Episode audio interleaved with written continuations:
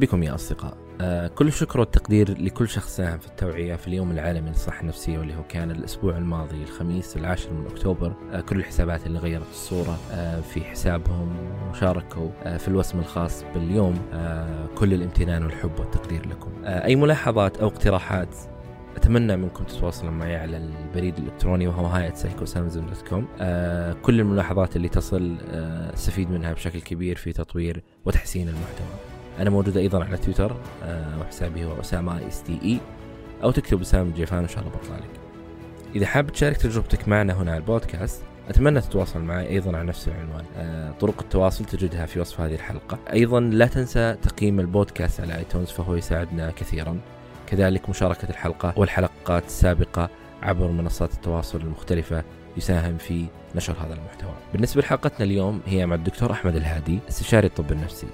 كان النقاش بخصوص الزيارة الأولى في العيادة وإيش يحصل فيها؟ إيش يتوقع المريض في أول زيارة؟ كيف أصلا يوصل المريض للطبيب أو للعيادة؟ مدة هذه الجلسة البداية والنهاية إيش الهيكلة حقتها؟ إيش يحصل فيها؟ إيش مطلوب مني أنا؟ إيش حقوقي؟ إيش اللي أتوقعه؟ يحصل في هذه الجلسة. فالدكتور أحمد أعطانا من البداية كيف تحصل وإيش يحصل فيها الكلام، طريقة الفحص، طريقة النقاش، المعلومات، أي شيء مرتبط فيها حاولنا بقدر الإمكان إحنا نلخصه في هذه الحلقة وشكرا لكم. أنا أسامة الجيفان وهذا وجدان.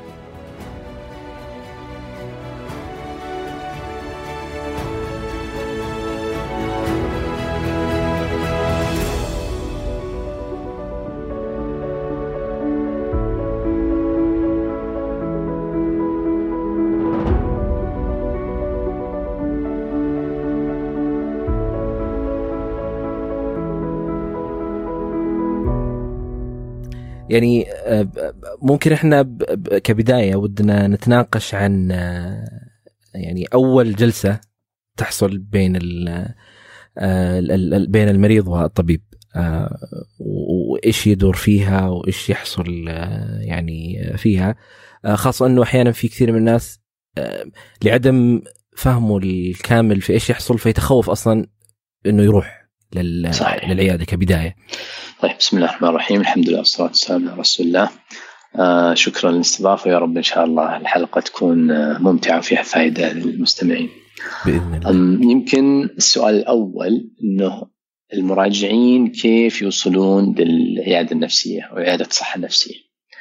صراحة في أكثر من مسار ممكن الواحد يوصل له بمعنى إنه بعض الناس مثلا تجيه أعراض معينة جسدية مثلا ويروح للطبيب مثلا طبيب الصدر، طبيب القلب، طبيب الطوارئ فيشوف حالته ويقيم الوضع وبعدين يقول الحمد لله كل شيء زين أنت تحتاج تشوف طبيب نفسي. فيكون التحويل من طبيب آخر. هذه واحدة من الحالات اللي ممكن تكون موجودة. أغلب صراحة العيادات الطب النفسي في المستشفيات العامة ما تقبل أن المريض يجي مباشرة يحجز موعد. بمعنى أنه لازم يجي تحويل من جهة أخرى. وغالبا تكون يا إما من الطوارئ أو من عيادات اللي إحنا نسميها طب الأسرة أو طب العائلة. لأنهم هم أول خط بالعادة. وبعض الناس مثلا يروح حتى المركز الصحي ومن هناك ياخذ تحويل ويروح. فعندنا صراحة يمكن مسارين رئيسيين يا إما عن طريق الطوارئ وممكن أيضا الطبيب النفسي يشوف المريض هناك.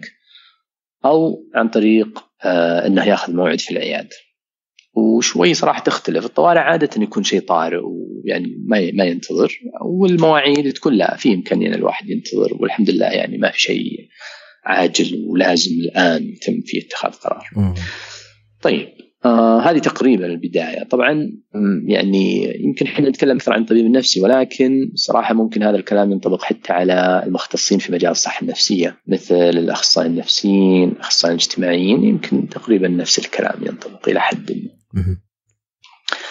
طيب أول زيارة. في بعض الناس فعلا يتخوف من الزيارة الأولى وما يدري وش طبيعة اللي بيصير في الزيارة فحتى بعض الناس يتأخر. وبعضهم حتى يكون عندهم تخوفات غريبة شوي يمكن نناقشها إن شاء الله أثناء الحلقة. خلينا نتكلم عن الزيارة الأولى. الزيارة الأولى عادة صراحة يكون يعني مدتها حوالي بين ال 45 إلى يمكن ساعة تقريبا بعض الأحيان. صراحة أحيانا تأخذ وقت أطول. هل ممكن تكون أقل؟ أم صراحة في بعض الدول ممكن تكون أقل. يعني مثلا زي أمريكا أقل شيء عندهم 30 دقيقة. آه بس ما في أقل منه يعني.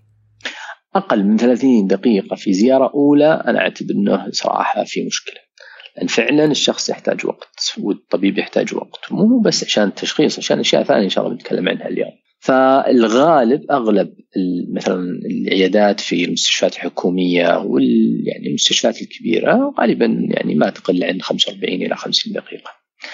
في الخاص يمكن يكون الوضع مختلف شوي بحيث إنهم يعني لأنه مكان يعني ممكن يكون ربحي أكثر فتكون أقل بس مفروض صراحة ما تكون ابدا أقل من 30 دقيقة. طيب هذه المدة وحنا قلنا كيف الواحد ممكن يوصل للطبيب النفسي عادة يا إما تحويل أو إنه يروح للطوارئ إذا كان الموضوع عاجل وممكن يشوفونه هناك في الطوارئ مباشرة. أه، والآن دكتور الآن أه، مو في صار اللي هي مبادرة الإرشاد حقت الوزارة للرعاية النفسية الأولية اللي هي المراكز الصحيه صحيح في وزارة الصحة الآن فيه توجه إنه يكون في عيادات نفسية في المراكز الصحية. اللي هي مراكز الحي. صحيح. أيوة المراكز الصحية اللي موجودة في الحي ما, ما يعني ما لها علاقة بالمستشفى هي مركز صحي صغير.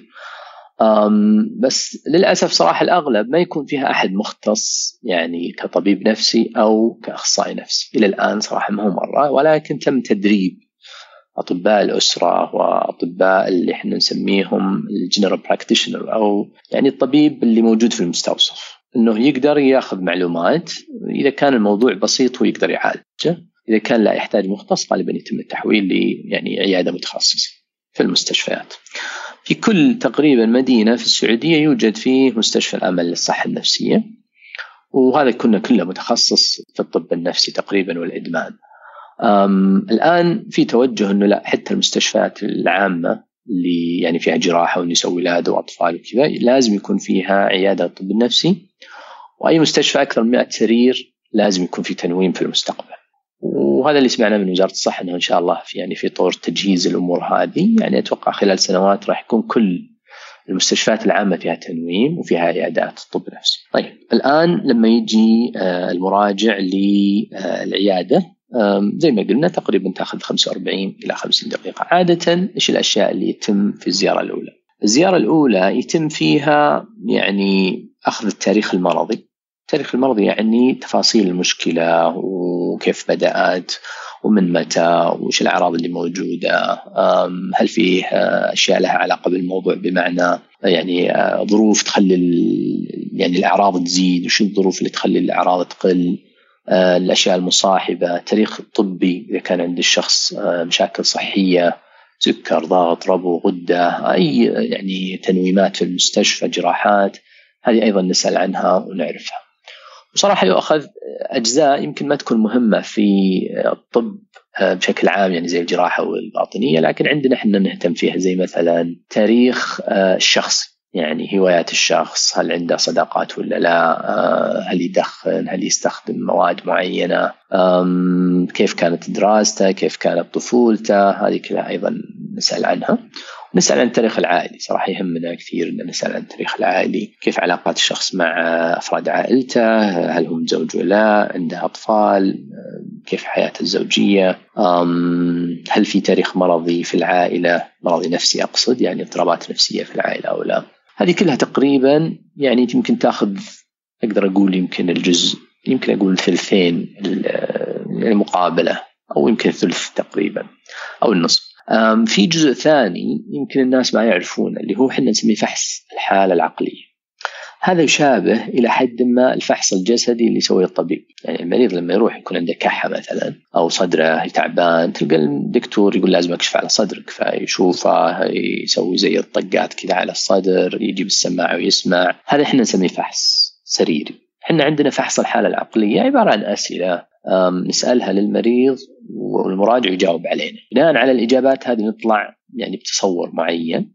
عن اللي موجود عند المريض مع التاريخ المرضي نجمعهم مع بعض وهنا يجي عاد يعني المرحلة اللي تسبق أو عفوا اللي تلحق اللي هي مرحلة يعني خلاص وصلنا تقريبا للتشخيص. الجزء الأخير من الجلسة صراحة يكون فيه أشياء مهمة اللي هي تثقيف نفهم المريض وش المشكلة اللي موجودة عنده بناء على التشخيص اللي وصلنا له وش الأعراض اللي موجودة ليش وصلنا للتشخيص هذا ليش ما قلنا تشخيصات أخرى وأيضا آه، الخطة العلاجية نشرح له الخطة العلاجية بالتفصيل في النهاية نجاوب على اسئلته إذا كان عنده أي أسئلة معينة هذه تقريبا صراحة تأخذ يعني من 40 إلى 50 دقيقة. ومعلش دكتور أنا ذكرت مثلا إنه كان يستخدم شيء أو كان عنده تصرفات ممكن آه، غير قانونية ولا كانت غير أخلاقية في نظر المجتمع. آه، الطبيب ما راح يقول له شيء في الموضوع هذا. بيناقشه من الأشياء الأخلاقية يعني؟ صحيح. في كثير من الناس يخاف. يقول أنا الحين يمكن لو قلت للطبيب إني مثلا أستخدم مخدرات ولا مثلا أشرب كحول م. إنه بيعلم الشرطة يجون يمسكوني فبعضهم صراحة يخاف من النقطة هذه. هذه ابدا غير واردة وهي أصلا يعني ما هي في المجال هذا ابدا. ويعني الحمد لله القوانين عندنا في السعودية إن الشخص إذا جاء طالب للعلاج ابدا ما يحاسب. على الأشياء الخاصة فيه زي الاستخدام والأشياء هذه، لكن ممكن إنه يكون في أشياء قانونية أخرى لا قدر الله، هذه طبعا فيها إشكاليات كبيرة شوي. من ناحية إذا قال المراجع معلومة تمس الآخرين أو حياة الآخرين. أو مثلا يعني هذه صراحة قليلة جدا. ما نادر ما أتذكر إنه قد صارت يعني أغلب الزملاء يعني ما أتذكر صراحة إنه أحد صارت له إنه أضطر إنه مثلا يقول أو يبلغ إدارة المستشفى عن موضوع معين. بمعنى يعني مثلا لو جاء واحد وقال أنا والله عندي أفكار إني اذي فلان. من الناس أو إني أسوي له يعني شيء مرة شين وعازم على هالموضوع هذا وكذا. هنا يجي دور على الطبيب إنه لازم يعني يقول له يقول ترى المعلومة هذه أنا لازم يعني أتخذ فيها اجراء هذه يعني كم؟ لي أكثر من 15 سنة أو أكثر. ما ما قد صارت حالة إني رحت بلغت ولا سمعت أحد من الزملاء إنه راح بلغ احد نادر صراحة تصير هذه. لأن غالبا الشخص اللي يجي للعيادة يبغى فعلا مساعدة. ما هو جاي مثلا عشان والله جاي بقول لكم إني بذي فلان والسلام عليكم. صعبه إيه. صراحة ما تصير. واصلا إنه في كثير من الأبحاث والدراسات إنه أصلا المريض النفسي ضحية للعنف وليس يمارس العنف. جدا وهذا فعلا يعني. يعني هذه مسلمة الآن تقريبا عندنا إنهم ما ما في يعني خليني أعطيك مثال. يعني مثلا لو فيه مريض جاء يسوي عملية مرارة مثلا. وهم يسولفون أو يكلمه الطبيب ويسال عن بعض الأشياء اللي بيسوي له الجراح طبيب الجراح. قال له المعلومه هذه. والله أنا إن شاء الله بعد ما أطلع من هنا بروح أقتل فلان مثلا. هو ما هو مريض طبيب ما هو طب نفسي ولا شيء يعني هو جراح. هنا يجي دور على الطبيب إنه يسوي أشياء معينة ويتخذ إجراءات معينة. حماية الاشخاص الآخرين. وحماية له أصلا هو نفسه حتى بالضبط. عشان يحمي الشخص نفسه أيضا. فالفكرة إنه ما هي خاصة بالطب النفسي. هذا إجراء يتخذ في المجال الطبي عموما. إنه إذا كان في خطورة على المريض المراجع أو على الأشخاص آخرين وتأكدت الخطورة هذه ما هي شيء كذا كلام ولا بصراحه في طرق عندنا نتأكد هل فعلا هو قاصد ما هو قاصد أيه. حقيقي كلامه ولا مجرد يعني أشياء تهديد وكذا. فهنا نتخذ قرار؟ أنا ما ودي يعني أخوف الناس إنه لا والله ترى في إمكانية إنه يصير لك شيء ابدا. ما قد صارت ونادر جدا يعني. والأشياء اللي مرتبطة طيب بالأشياء اللي هي الأخلاقية يعني إذا المريض عنده أشياء ايا كانت هي لا توافق المجتمع غير مسموحة مثلا قانونيه مثلا. لا في المجتمع ما علاقة. أي ما علاقة فيها. إنه إحنا ما لنا علاقة في الموضوع هذا. إحنا ما نغير رأيك في الفكرة هذه ولا في آه، في التوجه هذا. إن إن نناقشك في حالتك اللي أنت جيتنا فيها. صحيح صحيح. إلا إذا كان في خطورة عليه. إيه. هنا نعطيه رأينا الطبي. نقول خلاص أنت يعني الآن عندك معلومة تبي تاخذ فيها خذ فيها ما تبي تاخذ فيها كيف لأن الشيء هذا خاص فيه هو مو خاص بناس آخرين. آه طيب فالآن نهاية نهاية الجلسة تناقش مع بما طب المريض بإمكانه يسأل ليش طيب شخصني بهذا التشخيص؟ جدا هذه من حقوق من أبسط حقوقه إنه يسأل طيب ليش قلت عندي اكتئاب مثلا بناء على إيش؟ طبعا هذه كويس يعني مرة كويس ننبسط إذا في أحد فعلا يسأل عشان يفهم وش القصة وليش صار عندي كذا وليش قلت عندي اكتئاب ليش عندي قلق مثلا. وممكن لو آه، طيب في نهاية الجلسة أنتم اتفقتوا على الخطة العلاجية بينك وبين المريض ولا أنت فقط من تقرر هذه الخطة؟ ممتاز، طبعا إحنا عندنا زي القواعد والقوانين وإحنا نسميها أدلة توجيهية بمعنى يعني من دراستنا وتدريبنا الطبيب يعرف إنه والله الاكتئاب يعالج بطريقة معينة. واحد اثنين ثلاثة. من ضمن هذه الأشياء يؤخذ بعين الاعتبار رأي المريض ويعني وجهة نظره. مهم جدا إنه يؤخذ فيها. ما ينفع إني أجي وأقول له والله اسمع خذ الدواء هذا مع السلامة أشوفك بعد أسبوعين. ما ينفع كذا. لازم يكون في نقاش وأخذ وعطاء. بمعنى أعطيك مثال. مثلا لو جانا شخص عنده خلينا نقول رهاب اجتماعي. مثلا اضطراب رهاب اجتماعي أو قلق اجتماعي. علاج القلق الاجتماعي مثلا إذا كان شدة الاعراض من بسيطة لمتوسطه يخير المريض بين أدوية وجلسات فالمريض هو اللي يختار بناء على الإيجابيات والسلبيات بناء على ظروفه. يعني مثلا والله واحد ساكن عن العيادة 500 كيلو. صعب جدا يصير يجي يسوي جلسات كل أسبوع. خاصة إنها لازم تكون مستمرة كل أسبوع. بالضبط ورا بعض كل أسبوع. فإحنا نشرح له الطريقة وهو اللي يختار في النهاية. ولكن مثلا والله جاني واحد عنده رهاب اجتماعي شديد جدا نقول له اسمع ترى الشديد الأفضل إحنا نجمع الاثنين مع بعض. في النهاية هو اللي يختار هو اللي يقرر. بس هذا رأينا الطبي والقرار لك في النهاية. وهو مساعدة بحيث إنه بينا لك الخيارات المتاحة اللي إحنا صحيح. نعرفها يعني بالضبط. يعني معتمدة لنا. اي المشكلة وش إنه بعض الناس يجي يقول لك والله آه، أنا سمعت عن الدواء الفلاني يقولون إنه زين أبغاك تصرف لي هذه طبعا لا ما تصير عندنا لأن يعني إحنا نختار طريقة العلاج بناء على يعني التجارب والدراسات والأبحاث. الدواء هذا يمكن ما يكون من ضمن الأدوية اللي تعالج فعلا الاضطراب اللي موجود عند المريض هذا. فما راح أقدر أكتب لك يعني ولكن لو كان عندي دوايين والدوايين هذول يعني متساويات بالفعالية والأعراض الجانبية مثلا والمريض مفضل واحد على الثاني حتى لو إني اخترت الأول والمريض قال لي لا والله ودي بالثاني أنا بروح مع الثاني يعني لأنه كل ما مشينا أكثر من المريض كل ما هو استجاب أكثر تعاون معنا أكثر وهذا اللي إحنا نحتاجه صراحة. أه، وبما إنك ذكرت دكتور الأعراض، الأعراض تشرح له إنه إيش ممكن يتوقع في خلال أسبوع ولا أسبوعين ولا شهر ولا شهرين؟ أنا أعتقد هذا من واجبات الطبيب واللي ما يشرح للأسف في عنده مشكلة. يعني بعض الناس صراحة الأعراض يعني تكون مزعجة شوي ولا يدري وش السالفة يوقف يعني يتوقف عن تناول الدواء. وهذا خطأ. يعني كان بالإمكان تحاشي الموضوع. هذا لو كان فيه شرح بسيط. في أعراض آه، يعني آه، شلون أقول لك إياها؟ شائعة. يعني تقريبا 20% من الناس تحصل لهم. هذه أنا أعتقد لازم الواحد يقولها. لكن مثلا والله عرض يحصل واحد بالألف. لا مو لازم أقولها. يعني هذا نادر جدا وما لو حدث شك والله يعني المريض بيتعامل معه واكيد فيه يعني طريقة للتواصل بين المريض والطبيب بحيث إنه مثلا والله إذا صار لك أي شيء مزعج جدا وما قدرت تتحمل تعال الطوارئ 24 ساعة مفتوحه الطوارئ. وخاصة إنه إذا شرح له هو في في الجلسة وبين له كل شيء خاصة أحيانا ممكن تكون المواعيد في المستشفيات بعيدة أو شيء أه، صح. فهو خلاص لما يرجع المره الثانية ما يكون عنده المشكلة إنه يمكن يقطع الدواء ولا عاد يرجع لأنه بالضبط. ما كان عارف التفاصيل هذه في فعلا وهذا جزء ليش أصلا الجلسة طويلة؟ يعني صراحة التشخيص ممكن فعلا بعض الحالات تكون يعني واضحة جدا إنه ممكن من أول خمس دقائق صراحة التشخيص واضح. يعني خلاص واضح إن اللي قدامي الحالة الفلانية اضطراب الفلاني. لكن أنا ما زلت أحتاج ال 50 دقيقة. لأن في أجزاء مهمة أنا لازم أعرفها أفهم طبيعة الأعراض شدة الأعراض كيف هذه قاعدة تأثر على حياته التفاعلات اللي قاعدة تصير في محيطه طبيعة الشخص نفسه آه، هل هو من النوع اللي حساس بحيث إني لازم أحاسب على كلامي ما أقول أي كلمة؟ هل هو من النوع اللي لا والله عادي ويمشي يعني تقريبا هذه المعلومات مهمة والجزء الأخير اللي قلناه اللي هو شرح العلاج والتثقيف هذا صراحة ياخذ وقت يعني على الأقل صراحة عشر دقائق تروح عادة في الشرح حق الدواء والتثقيف والاضطراب والأشياء هذه. أه وهل في ما أدري يعني إذا الفرق بين مثلا الحكومي ولا الخاص إنه في الخاص ممكن يراجع بعدها في أسبوع بشكل مجاني للطبيب نفسه خاصة الأول الجلسات. صحيح. الآن صارت أسبوعين في السعودية صارت أسبوعين الآن آه ممتاز هل أي. الشيء هذا في ال في ال في, ال في المستشفيات الحكومية بنفس الطريقة؟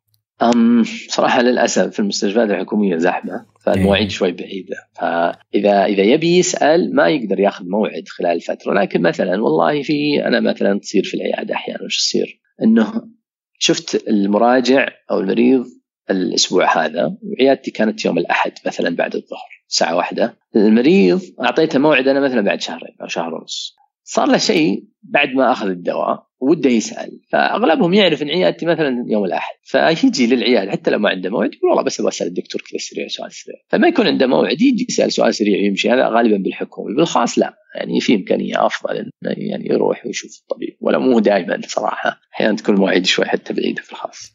آه اي فالآن ال ال هو الآن فهم التفاصيل هذه وفهم كل ال ال الأشياء. فلنفترض أنه المريض قال أنا غير مقتنع بال... باللي حصل آه، فأطلب منك تحولني لزميل لك. ممتاز. هذا إحنا نسميه second opinion أو رأي ثاني. وهذا صراحة في الطب يعني تصرف محمود إذا كان المريض ما هو مرتاح أو ما هو مقتنع بالخطة العلاجية. إحنا نشجع عليه صراحة، أنا ما عندي أي مانع إنه يروح يسأل. أو يستشير زميل أو طبيب آخر فهذه مرة كويسة. المشكلة متى؟ إذا صار فيه تنقلات يصير shopping يعني كأنه قاعد يتسوق يروح للدكتور هذا بعدين يروح للدكتور الثاني بعدين يروح الثالث ويتنقل بين الأطباء هذا مزعج ومتعب وترى هو اللي يتأثر في النهاية ويتضرر. لكن الرأي الثاني أنا أؤيد جدا أن المريض يروح يسأل ويستفسر ويستشير آه، طبيب آخر. آه، طيب الآن الجلسة هذه الجلسة الأولى اللي هي غالبا يكون آه، فيها لو أجي أقول نسبة وتناسب كم من النسبة اللي يتكلم فيها الطبيب وكم من النسبة اللي يتكلم فيها المريض؟ ممتاز. صراحة الجلسة الأولى هي عبارة عن زي الأسئلة فالطبيب ما راح يتكلم واجد إلا في النهاية يوم يشرح لكن أغلبها صراحة أسئلة الطبيب يسأل المريض يجاوب. فأقدر أقول يمكن ثلثين المريض هو اللي يتكلم في الجلسة هذه والثلث الطبيب. آه ممتاز. آه ال ال آه الآن آه لو كان ال ال ال ال يعني الشخص جاء معاه أحد مش لوحده. ممتاز. آه في في, في العيادة. آه والطبيب كان وده يجلس مع هذا الشخص لوحده. هل يقدر يمنع أحد يدخل معه لأنه يجلس مع الشخص لحاله؟ جميل. صراحة هذا اللي أغلب نشوفه إن الشخص يجمع أحد من أفراد عائلته أو أحيانا صديق. فعادة إحنا نستقبلهم الاثنين نسلم ونعرف وش القصة وش بيصير وكذا. بعدين نستأذن من الشخص الثاني نقول لو سمحت إحنا بنجلس مع المراجع أو المريض. وفي نهاية الجلسة ممكن نرجع يعني نجلس مع بعض مرة ثانية وكثير من الأوقات صراحة ناخذ معلومات من من الشخص المرا يعني المرافق للمريض بشرط موافقة المريض. لو رفض خلاص. اي ما نقدر ابدا نسأل المرا... الشخص اللي معه. ما ما له ما لنا حق أصلا. إذا قال لا أنا ما أبغاكم إلا تقابلوني أنا وتسالوني أنا ما نقدر صراحة نقابل الشخص الآخر. اللي يصير أحيانا إنه المقابلة تكون بوجود المريض والمرافق. يعني نسأل المرافق والمريض موجود يسمع. أحيانا نستأذن المريض ان نجلس مع المرافق لوحده. أوكي. اي هذه أحيانا تصير صراحة وتكون مفيدة. إنه يعني المرافق يأخذ راحته ما مثلا ما يتحرج إنه ما يقول شيء مثلا يضايق المريض أو يتكلم باشياء سلبية عن المريض. فهذه أحيانا تكون مفيدة ان نسمع بعدم وجود المريض. بس إذا قال المريض أنا أبغى أعرف بالضبط وش صار أيه. له الحق تماما إنه يعرف وش صار ما ما نخبي عليه ولا شيء وبالعكس أصلا إذا قال كذا أقول له الافضل أجل خليك واسمع كل شيء يدور احسن. وفي الغالب يعني في غالب المرافقين أصلا ما جاء معاه اللي هو يبغى فايدته يعني يعني بالضبط. ما وصل لهالمرحلة إنه آه، ما راح يقول كلام آه، إلا بيفيده هو أصلا ليش جابه؟ لأجل المساعدة يعني ما ما هو جدا آه، شيء صح. آخر. ما يبغى له مصلحته أكيد. آه الآن في حال إنه تم الاتفاق على على الخطة العلاجية فسواء كانت والله اتفقتوا على أدوية أو اتفقتوا على الجلسات أو اتفقتوا مع كل الوسيلتين المناسبة للعلاج آه المرحلة الجاية أنا في في نتكلم في الحكومي مثلا أنت أعطيت موعد بعد فترة معينة إيش تنتظر خلال هذه الفترة يرجع المريض بمعلومات أو بأشياء أنت تنتظرها منه لما يرجع. طيب وش رأيك قبلها؟ خلينا نعطي زي النصائح أو اقتراحات للشخص في الزيارة الأولى وبعدين نجي لهذه. ممتاز. الزيارة الأولى إحنا صراحة يبي يكون مفيد جدا إن المراجع أو المريض يكتب قائمة بالمشكلات الموجودة عنده ممتاز. فقبلها بيوم بيومين كويس إنه يجلس كذا على جواله ولا على ورقه ويكتب وش الأشياء اللي أنا أبغى مساعدة فيها. هذا أبسط سؤال. مثلا يبدأ يعدد الأشياء والله أنا صرت ما اجلس مع الناس زي أول آه نومي مخربط آه شهية الأكل تغيرت آه صرت أعصب يعني أشياء زي هذه ويعددها ويكتبها هذه مرة مفيدة لو قدر يسويها المراجع. الشيء الثاني اللي يمكن يكون مفيد أيضا أنه يكتب الأسئلة اللي بباله اللي يبغى إجابة منها من الطبيب. فهذه أيضا جميلة ويقولوا بعضهم يجي يقول لك والله معليش المره الماضيه نسيت أسألك مدري إيش. فكويس إنه يكون كاتب الأسئلة بحيث إنه يعني في نهاية الجلسة يجاوب عليها الطبيب كلها آخر يعني نصيحة بعض الأحيان مراجعين يستخدمون مصطلحات ويتوهون الطبيب شوي. يعني مثلا في بعض الأوقات يجي واحد يقول والله دكتور أنا عندي وسواس. إحنا الوسواس مصطلح واضطراب معروف عندنا وله يعني إعراضه وتشخيصه وكذا. لما اسمع وسواس أقول لي شكله أكيد راح الطبيب الطبيب هذا قال ترى أنت عندك وسواس فأفترض أن هذا تشخيص. يوم أبدأ أتكلم أنا وياك تطلع صراحة ما هو تشخيص. يطلع شيء مختلف. يعني يطلع مثلا انشغال بال هواجيس تفكير زايد. هذا مو وسواس فيتوهنا شوي صراحة. بعض الناس يقول يا دكتور أنا عندي قلق. أقول إيش تقصد بالقلق؟ يقول والله ما أنام زين. فصراحة توهنا المصطلحات. الأفضل إنه يوصف المشكلة بدون ما يعطي مصطلح. أو يعطي يعني كلمة أو يعني هذه صراحة مفيدة لنا أكثر عشان ما نرجع نضطر ان نسأل نسأل عشان تتضح الصورة لنا. هذا أيضا يعني نصيحة للمراجعين إنه ما يعطي مصطلحات، الأفضل صراحة يوصف المشكلة اللي موجودة بكلمات كثيرة أفضل من يعطي كلمة واحدة. لو جاب هل بيساعدكم مثلا لو قال لكم يعني لو جهز تاريخه المرضي إذا ما هو يعالج في المستشفى ما نقدر نشوف ملفه أدويته أو شيء يعني كمعلومات هذه من أهم الأشياء. إذا كان فعلا سابق زيارات له عند أطباء أو مستشفيات أخرى أي ما كان مرة مهم ومفيد صراحة. إنه يجيب لنا مثلا تقرير طبي من المرجع الأول اللي كان يتابع معه ويجيب لنا يعني حتى لو يكتب يقدر يكتب قائمة مثلا بأسماء الأدوية والجرعات صراحة مرة مفيد. لأن يعني أحيانا صراحة نضطر إن نرجع نعطيه دواء ونكتشف بعدين إنهم سبق واخذوا وما استفاد عليه. فراح الوقت لأن رجعنا كررنا نفس الدواء مرة ثانية. فمرة كويس لو عرفنا فعلا الأدوية المستخدمة سابقا الجرعات المدة. هذه مرة مفيدة. فهذه الأشياء اللي ترتبط ما قبل الزيارة وما خلال الزيارة إنه التفاصيل هذه مهمة لتكون الجلسة الأولى يعني كما يريدها الطبيب وكما يريدها أيضا صحيح. المريض. وأي يعني أقصى استفادة. اي وأي أسئلة وأي شيء المفترض إنه الطبيب يجاوب على المريض بدون أي يعني تردد حتى.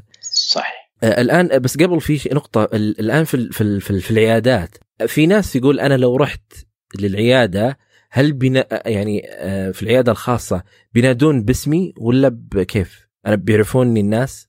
تمام. طبعا في الماضي كان الشخص يقدر يروح للعيادة الخاصة ويحط اسم وهمي.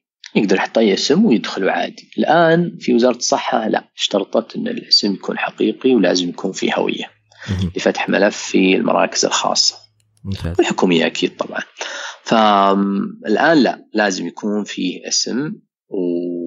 والمشكلة بس إنه بعض الناس يتحرج إنه والله أنا جالس في الانتظار ما أبغى أحد يناديني باسمي. عشان مثلا لو أحد يعرفني أو مشبه علي وكذا ما يتأكد يعني 100% إنه والله هذا فلان. فالمعلومة هذه ممكن الشخص يقولها للاستقبال أول ما يجي. يقول لو سمحت إذا ناديتوني لا تنادوني باسمي نادوني برقم مثلا.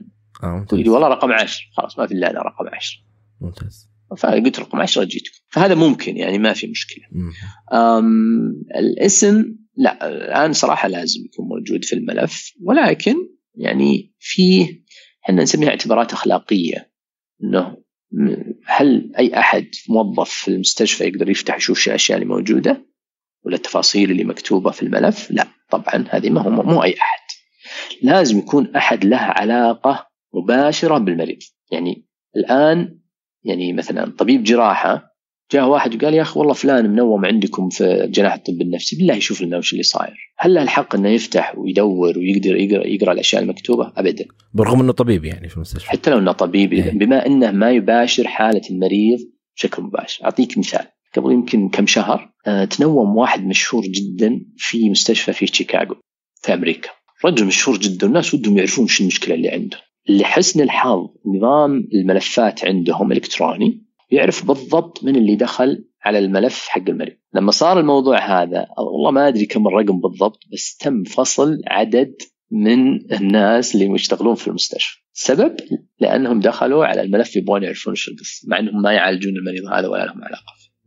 فمعنى آه، ما في أحد بيجي من أهلك وبيقول أعطوني الملف تعالوا بقرأ وش قاعد تصير في ابدا ما له حق إلا بموافقة المريض أو المراجع. طبعا الميزة الكبيرة الثانية إنه الآن في توجه مثلا لأن المعلومات اللي تذكر في الزيارة النفسية أو زيارة الطب النفسي تكون خاصة شوي أكثر من غيرها من التخصصات الأخرى. يعني مثلا إحنا في مستشفانا طلبنا أنه الملف يكون عندنا خاصية أنه ممكن بعض الملاحظات اللي نكتبها ما حد يشوفها إلا فريق الطب النفسي فقط. أي فأشياء خاصة ما تكتب في الملف. عموما تكتب وتكون محفوظة كذا زي اللي عليها يعني حماية.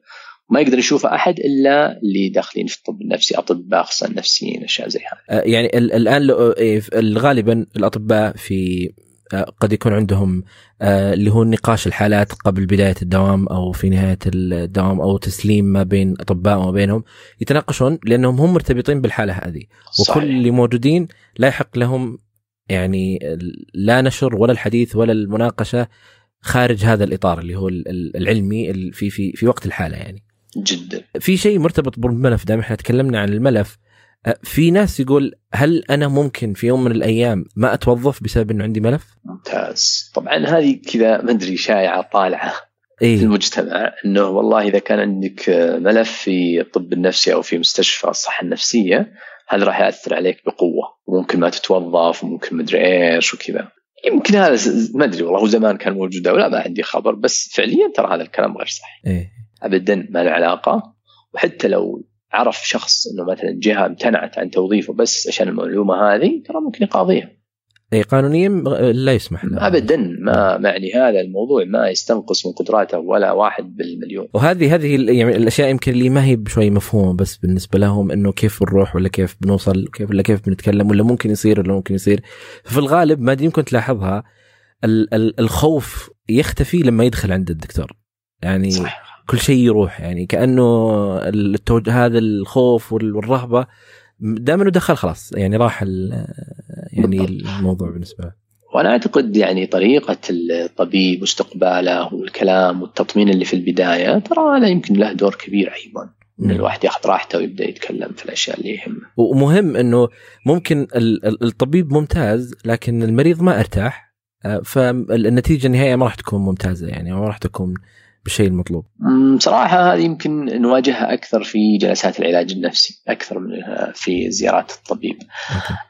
دائما نقول أنه عدم ارتياحك للمعالج ما يعني أن المعالج سيء. يعني في صراحة معالجين ممتازين بس الناس سبحان الله أنا أنا كشخص ما ارتحت للي قدامي. هذه إحنا نسميها كليك يعني ال ال ال الأرواح جنود مجند. أحيانا تركب وأحيانا لا. فمو دائما صراحة. يعني أحيانا حالات تجي عندي يقولك والله ودي إنك تحولني على أحد ثاني. واحاول أو يروح مع معالج آخر ويرتاح جدا.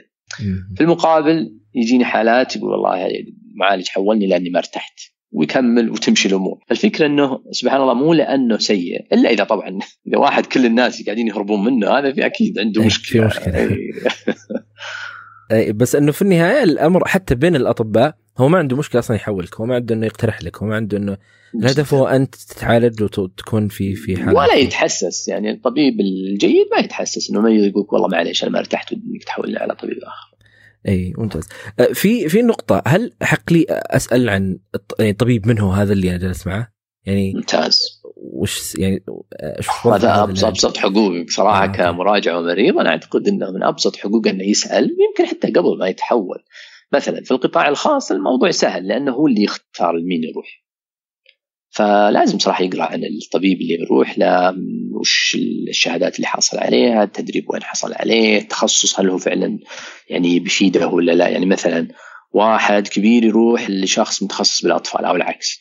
فيها فيها شيء كذا مو قاعد يمشي أو بالغ يعني كبار سن وكذا. فالأفضل صراحة إنه يتأكد من التخصص. المشكلة في الحكومي يكون صعب شوي صراحة.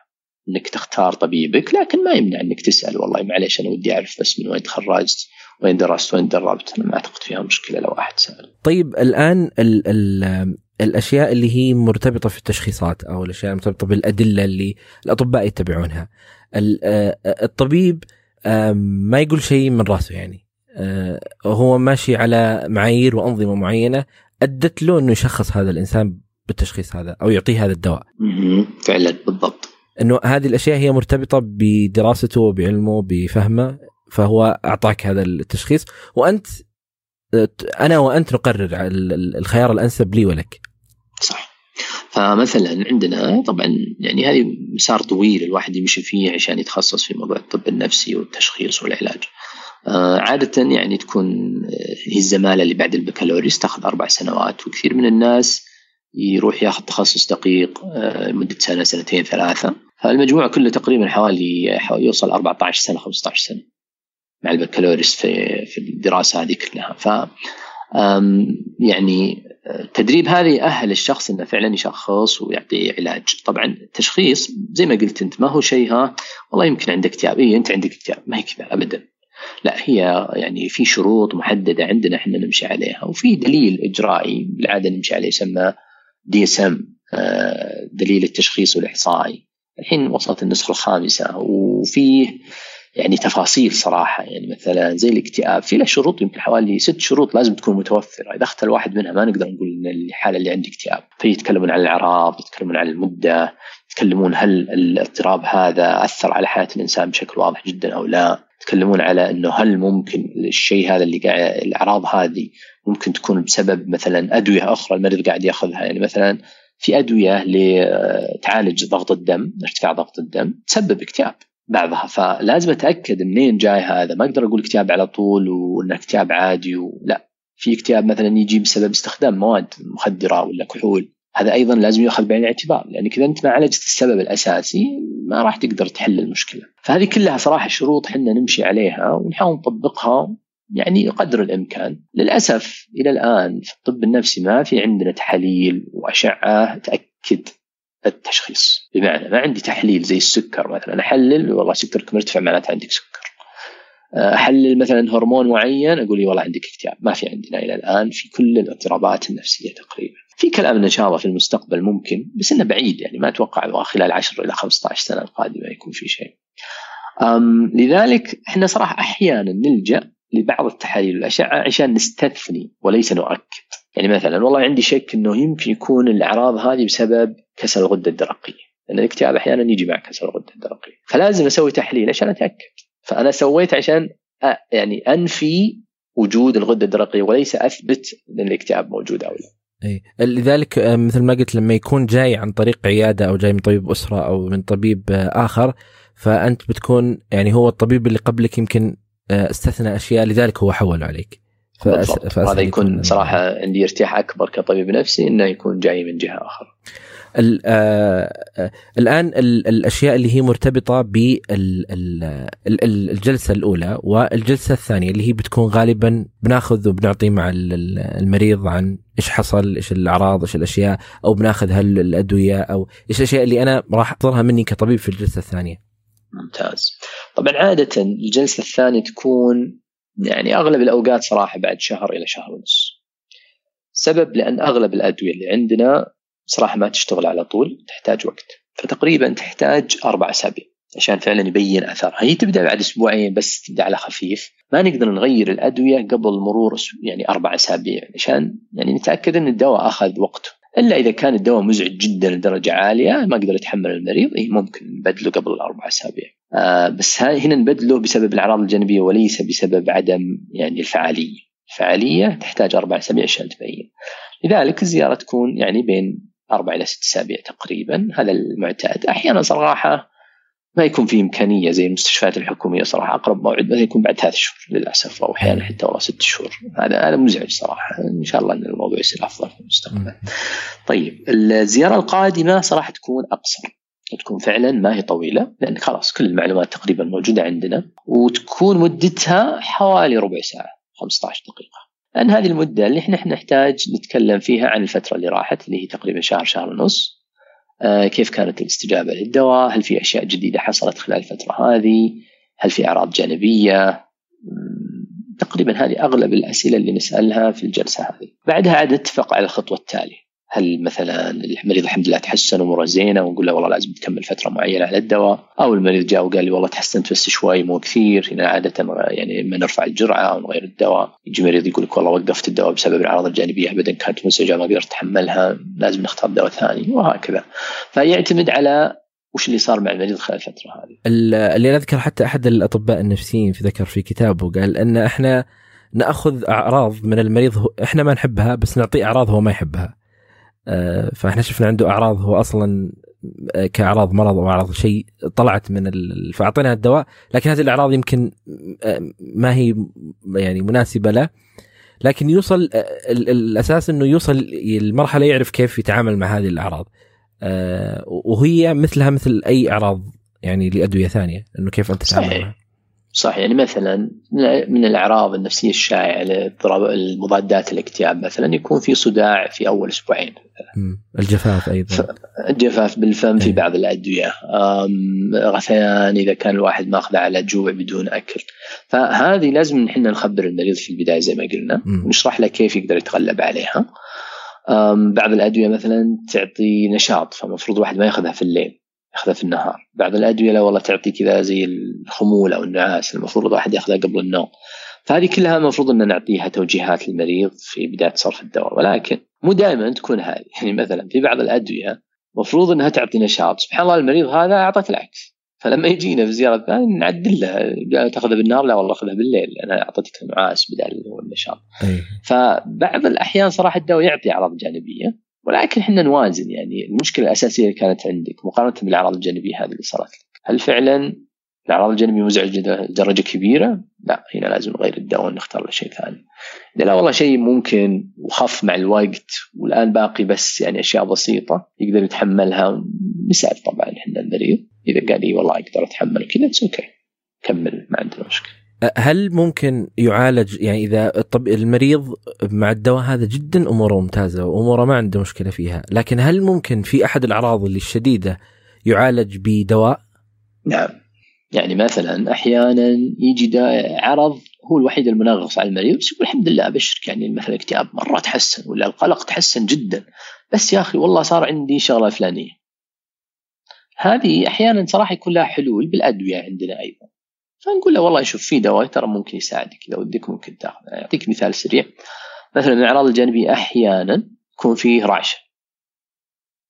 المريض يقول الحمد لله الدواء مرة مناسبني وارتاح عليه وحسنت واجد ولا ودي صراحة أغيره بس الرعشة هذه صراحة مطفشتني شوي. ممكن نعطيه دواء يخلي الرعشة تروح. هذا مثال إنه أحيانا نعالج الأعراض الجانبية بأدوية أخرى. إحنا صراحة ما نميل إن نضيف أدوية.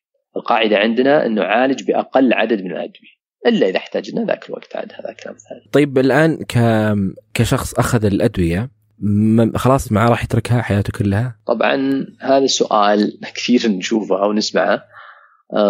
إنه لو أخذت الدواء خلاص ما أقدر أتركه، الكلام هذا غير صحيح، طبعا إحنا عندنا اضطرابات مختلفة يمكن أكثر من 300 اضطراب نفسي وأدوية صراحة متنوعة بعد، ف كل واحدة يعني لها شيء. يعني مثلا في بعض الاضطرابات عندنا لما نتابعهم للأسف بعد فترة نكتشف إن المريض فعلا لازم يأخذ الدواء لفترة طويلة أو مدى الحياة.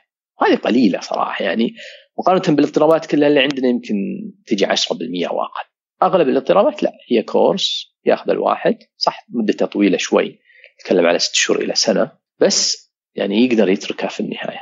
أحيانا صراحة الأعراض ترجع بعد فترة. يعني يتكلم إيه. بعد ست شهور سنة ترجع الاعراض يجي المريض يقول لا والله ها شوف أنا أدمنت على الدواء لو ليش رجعت لي مرة ثانية؟ هي للأسف صراحة ما هي زي كذا هي مشابهة للاضطرابات العضوية الثانية يعني مثلا واحد جاء انفلونزا قوية ولا مثلا التهاب في الصدر واضطر يأخذ مضاد مده أسبوع أو 10 أيام وطب هل هذا يعني إنه مستحيل يجيه التهاب في الصدر طول حياته الجاية؟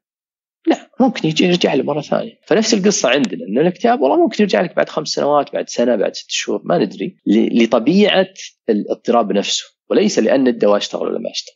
أو والله لا أنا أدمنت عليه أو تعودت عليه وما أقدر أتركه. صراحة بعض الناس فعلا يكون يعني وضعه أو اضطرابه صعب لأسباب إما الاضطراب نفسه الشديد أو إنه هو تأخر في العلاج. يعني ما ما حصل على العلاج من بداية الأعراض. هذه أحيانا صراحة يحتاج العلاج لمده اطول من غيره. أه، والكورس اللي ذكرته دكتور هو الأصل إنه في الفترة هذه هو أه، يساعده على إنه في أشياء كثير مختلفة في حياته إنها أه، تتحسن مع تحسن هذا في الدواء. فيوصل مرحلة يكون خلاص باستطاعته يتجاوز. يتجاوز المرحلة هذه. بالضبط بالضبط. هي يعني الدواء إحنا دائما نقول إنه ترى هو مرحلة يخليك توقف على رجولك وتمشي. لين ما تصير تقدر تركض. خلاص. زي العكازه ترميها. ما هو مؤقت مو مجرد إنك وقفت لا خلاص برميه لا.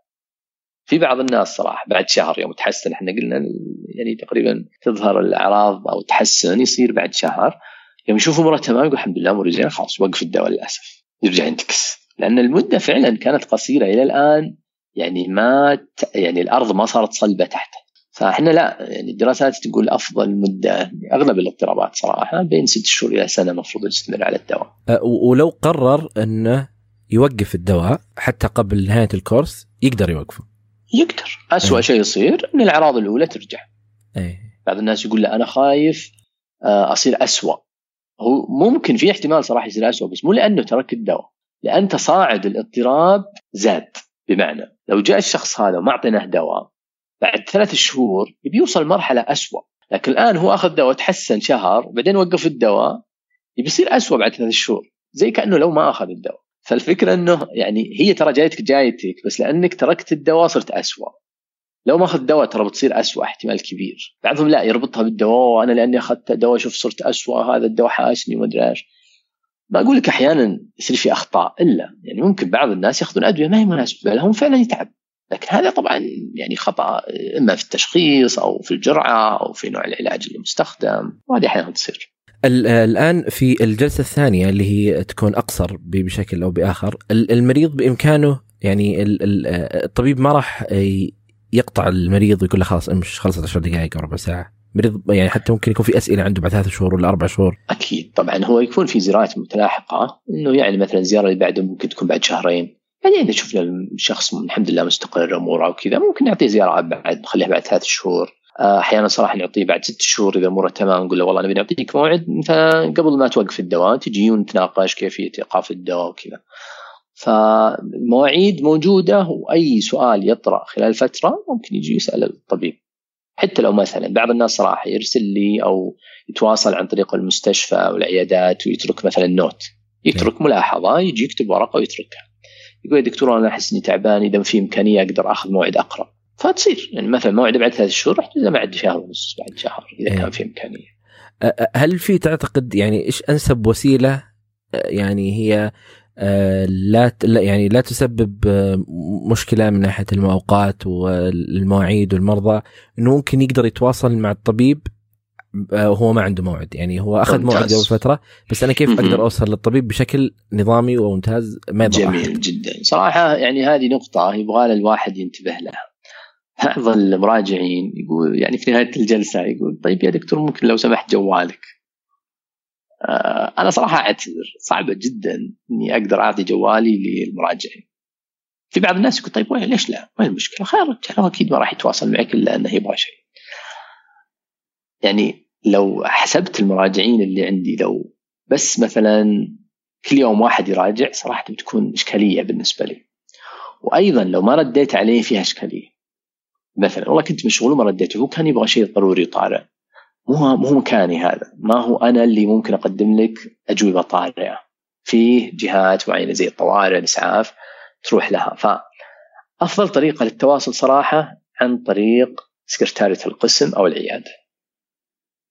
يا أما يتصل عليهم بالتليفون يترك ملاحظه الطبيب يرد عليه بعد يومين ثلاثة. إذا كان شيء عاجل جدا ابدا هذه ما هي طريقة مناسبة، الطريقة المناسبه يروح الطوارئ.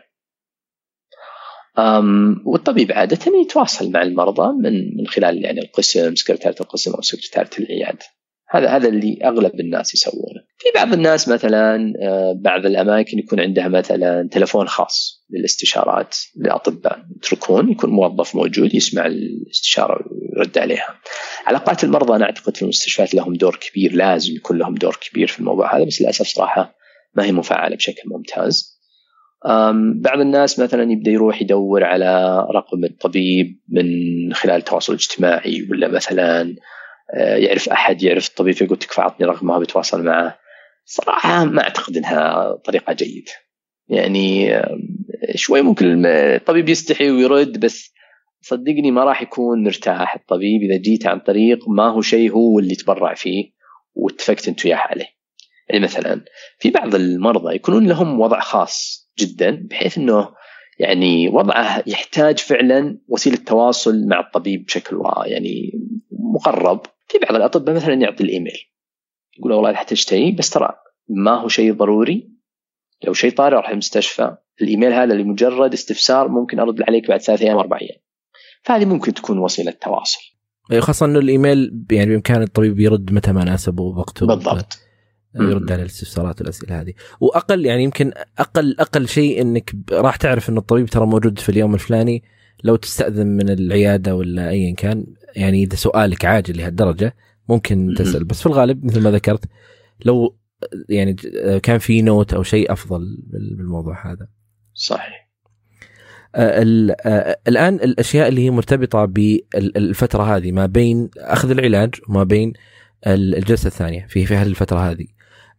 لما لما يبدأ لما يبدأ المريض يروح يسأل عن الأدوية بشكل أكثر لما يقرأ في النت لما يشوف أشياء بشبكات التواصل الاجتماعي جالسة تحذره من الدواء اللي هو ياخذه أصلا الحين. تمام. آه هذه هل هل هي هل هو أمر طبيعي إنه يخاف من هذه الأشياء برغم إنها أعطاه الطبيب الدواء هذا؟ طبعا خوف بعد ما يسمع التحذيرات والكلام هذا أمر طبيعي أكيد لكن اللي ما هو كويس واللي ما ننصح فيه ابدا إيش اللي خلاه يروح يسأل؟ إيه عادة نقص المعلومة هي اللي تخليه يروح يسأل هذا واحد أو طبيعة الشخص. آه أوكي.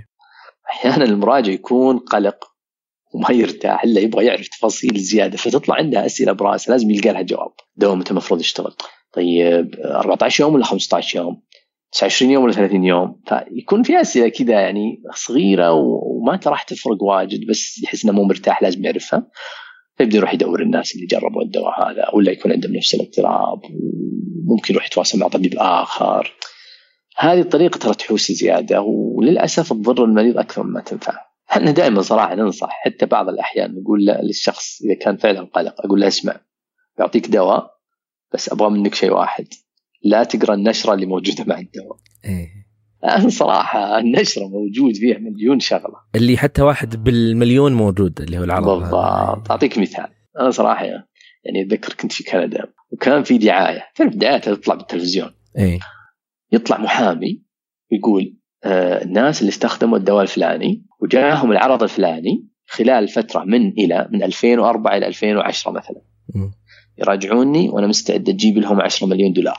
تخيل يعني صراحة مبلغ ضخم إذا شركة الأدوية ما حطت العرض الفلاني عشان ما تخوف الناس وبيجيها 10 مليون مليون دولار من كل واحد يستخدم لا والله بحطه إيه. تلقى أشياء يعني لو قريت البنادول بتلقى فيه من الأعراض الجانبية الوفاة.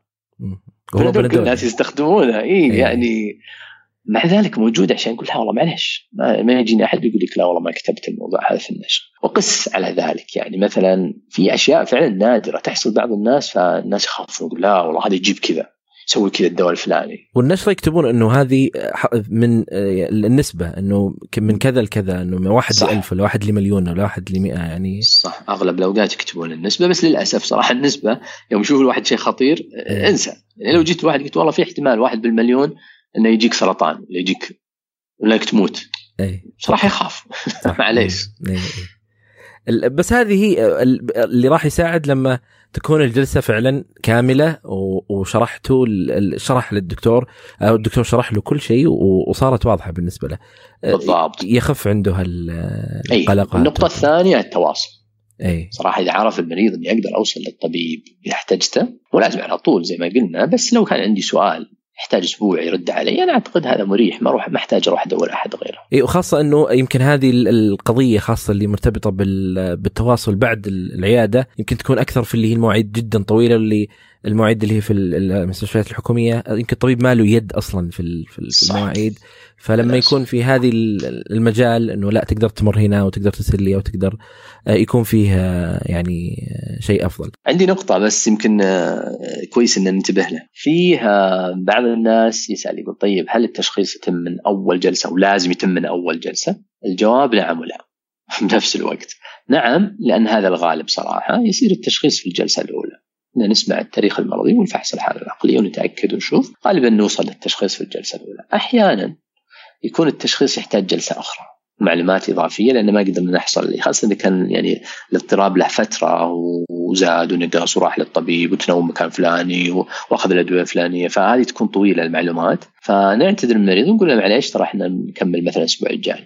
فنجلس مع المريض أيضا جلسة مطولة شوي ممكن تكون نص ساعة إلى أكثر. ناخذ فيها أيضا معلومات زيادة وبعدين عاد نحط الخطة العلاجية فما هو شرط من أول جلسة لازم يكون في خطة علاجية ولازم يكون في تشخيص.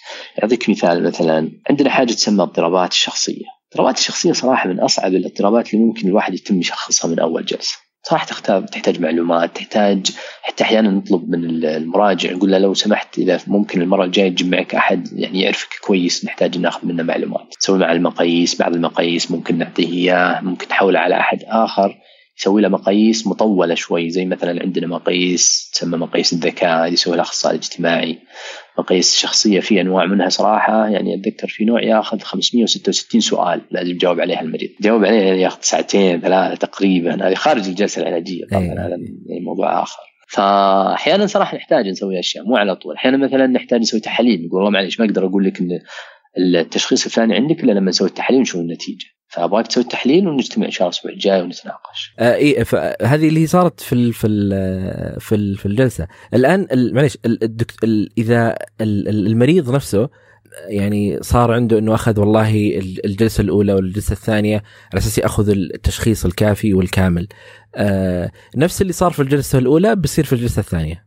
إنه اللي وصلتوا له وناقشته وتكلمتوا فيه بس فرق إنه أنا طالت المدة للتشخيص. أي يعني بدل ما هي على مدة مثلا 50 دقيقة كأنها ساعة ونص أو ساعتين ومقسومة على جزئين. اي فالجزء الأول صراحة ما نتكلم بالتشخيص والعلاج لا. نقول لك والله معليش الآن الوقت أخذنا ولا بدنا نخلص فنضطر منك إن لازم نوقف وإن شاء الله نستكمل الجلسة القادمة ونأخذ منك المعلومات وذاك الوقت إن شاء الله بنشرح لك كل شيء بالتفصيل. الآن هل ممكن الطبيب يطلب من المريض خاصة بعد الجلسة الأولى انه والله في شيء وده يقرأه ولا في شيء وده يمارسه ولا في شيء يعني شيء مرتبط بال, بزيادة المعلومات عن الشيء اللي هو يمر فيه حاليا؟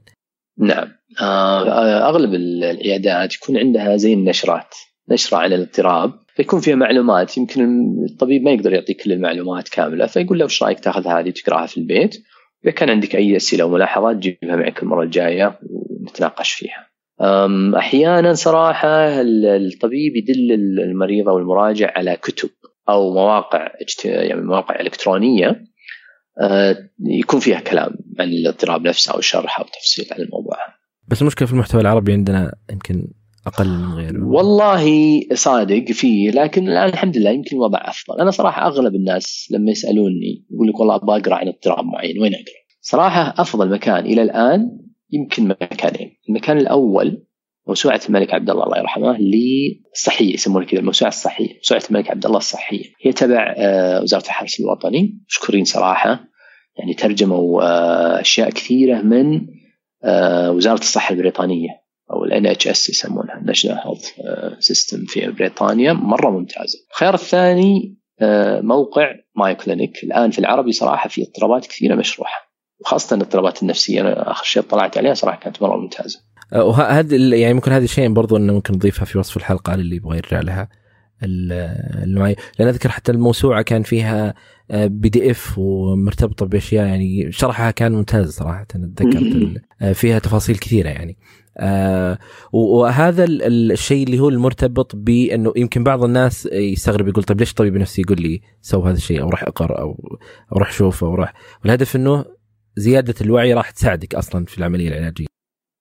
بالضبط ويفهم أكثر الأعراض اللي عنده يعني بعض الناس ما يدري مثلا إنه مثلا قلة التركيز هذا عرض من أعراض القلق أو عرض من أعراض الاكتئاب. لما يقرأها أوه تو تو تو فهمت إيش السالفة ليش أنا كذا؟ آه الله يعطيك العافية دكتور أحمد. الله يعافيك ويسلمك والله إني حسيت إنه طولنا. أنا تذكر قلت لك إني أبغى إي لا أنت قلت لي أقل بس الحمد لله أخذنا كل شيء. الحمد لله. أنا صراحة كنت حاب إنها تكون أقل من 20 دقيقة لكن ما شاء الله عليك أنت أصريت. يلا. اي لا لا بالعكس آه، الله يعطيك العافية. أشكرك. في شيء حابب تقوله قبل ما أم أنا جدا صراحة شاكر لكم المبادرة آه، بودكاست وجدان. وفعلا ما شاء الله متميز والطرح اللي فيه. أنا أتذكر آخر مرة سمعت آه، الحلقة اللي سويتوها مع الدكتور ياسر الدباغ ما شاء الله يعني غنية جدا مرة جميلة. فنقول يا رب إنه يكون في الحلقة هذه فيه متعة وفائده وأوصي صراحة ويعني حرصكم على فعلا المحتوى فعلا العربي صحيح والناس فعلا يحتاجون وهذا اللي أحيانا نشوفه يعني الواحد يقدم معلومة بسيطة ومع ذلك يكون صداها كبير وما الواحد يتفاجأ في الصدى اللي موجود الحمد لله يعني جميع الزملاء قاعدين يقولون نفس الكلام هذا إنه الناس متعطشة يبغون فعلا آه، محتوى عربي بس بجودة يعني ما نبغى أي كلام. آه الله يعطيك العافية دكتور شكرا لك. الله يعافيك سلام. آه شكرا لكم يا أصدقاء لاستماعكم لهذه الحلقة. أتمنى أنها كانت وفق ما تحبون وما تريدون. آه أي شيء ذكرنا في هذه الحلقة تجدونه في وصف هذه الحلقة. لا تنسوا تقييم البودكاست على iTunes ومشاركة هذه الحلقة مع من تحبون. آه، للتواصل أنا موجود على البريد الإلكتروني وهو hi dot com وكذلك أنا موجود على تويتر أسامة A S T E طرق التواصل تجدونها في وصف هذه الحلقة. آه، وشكرا لكم. أنا أسامة بن جيفان وكنتم مع وجدان.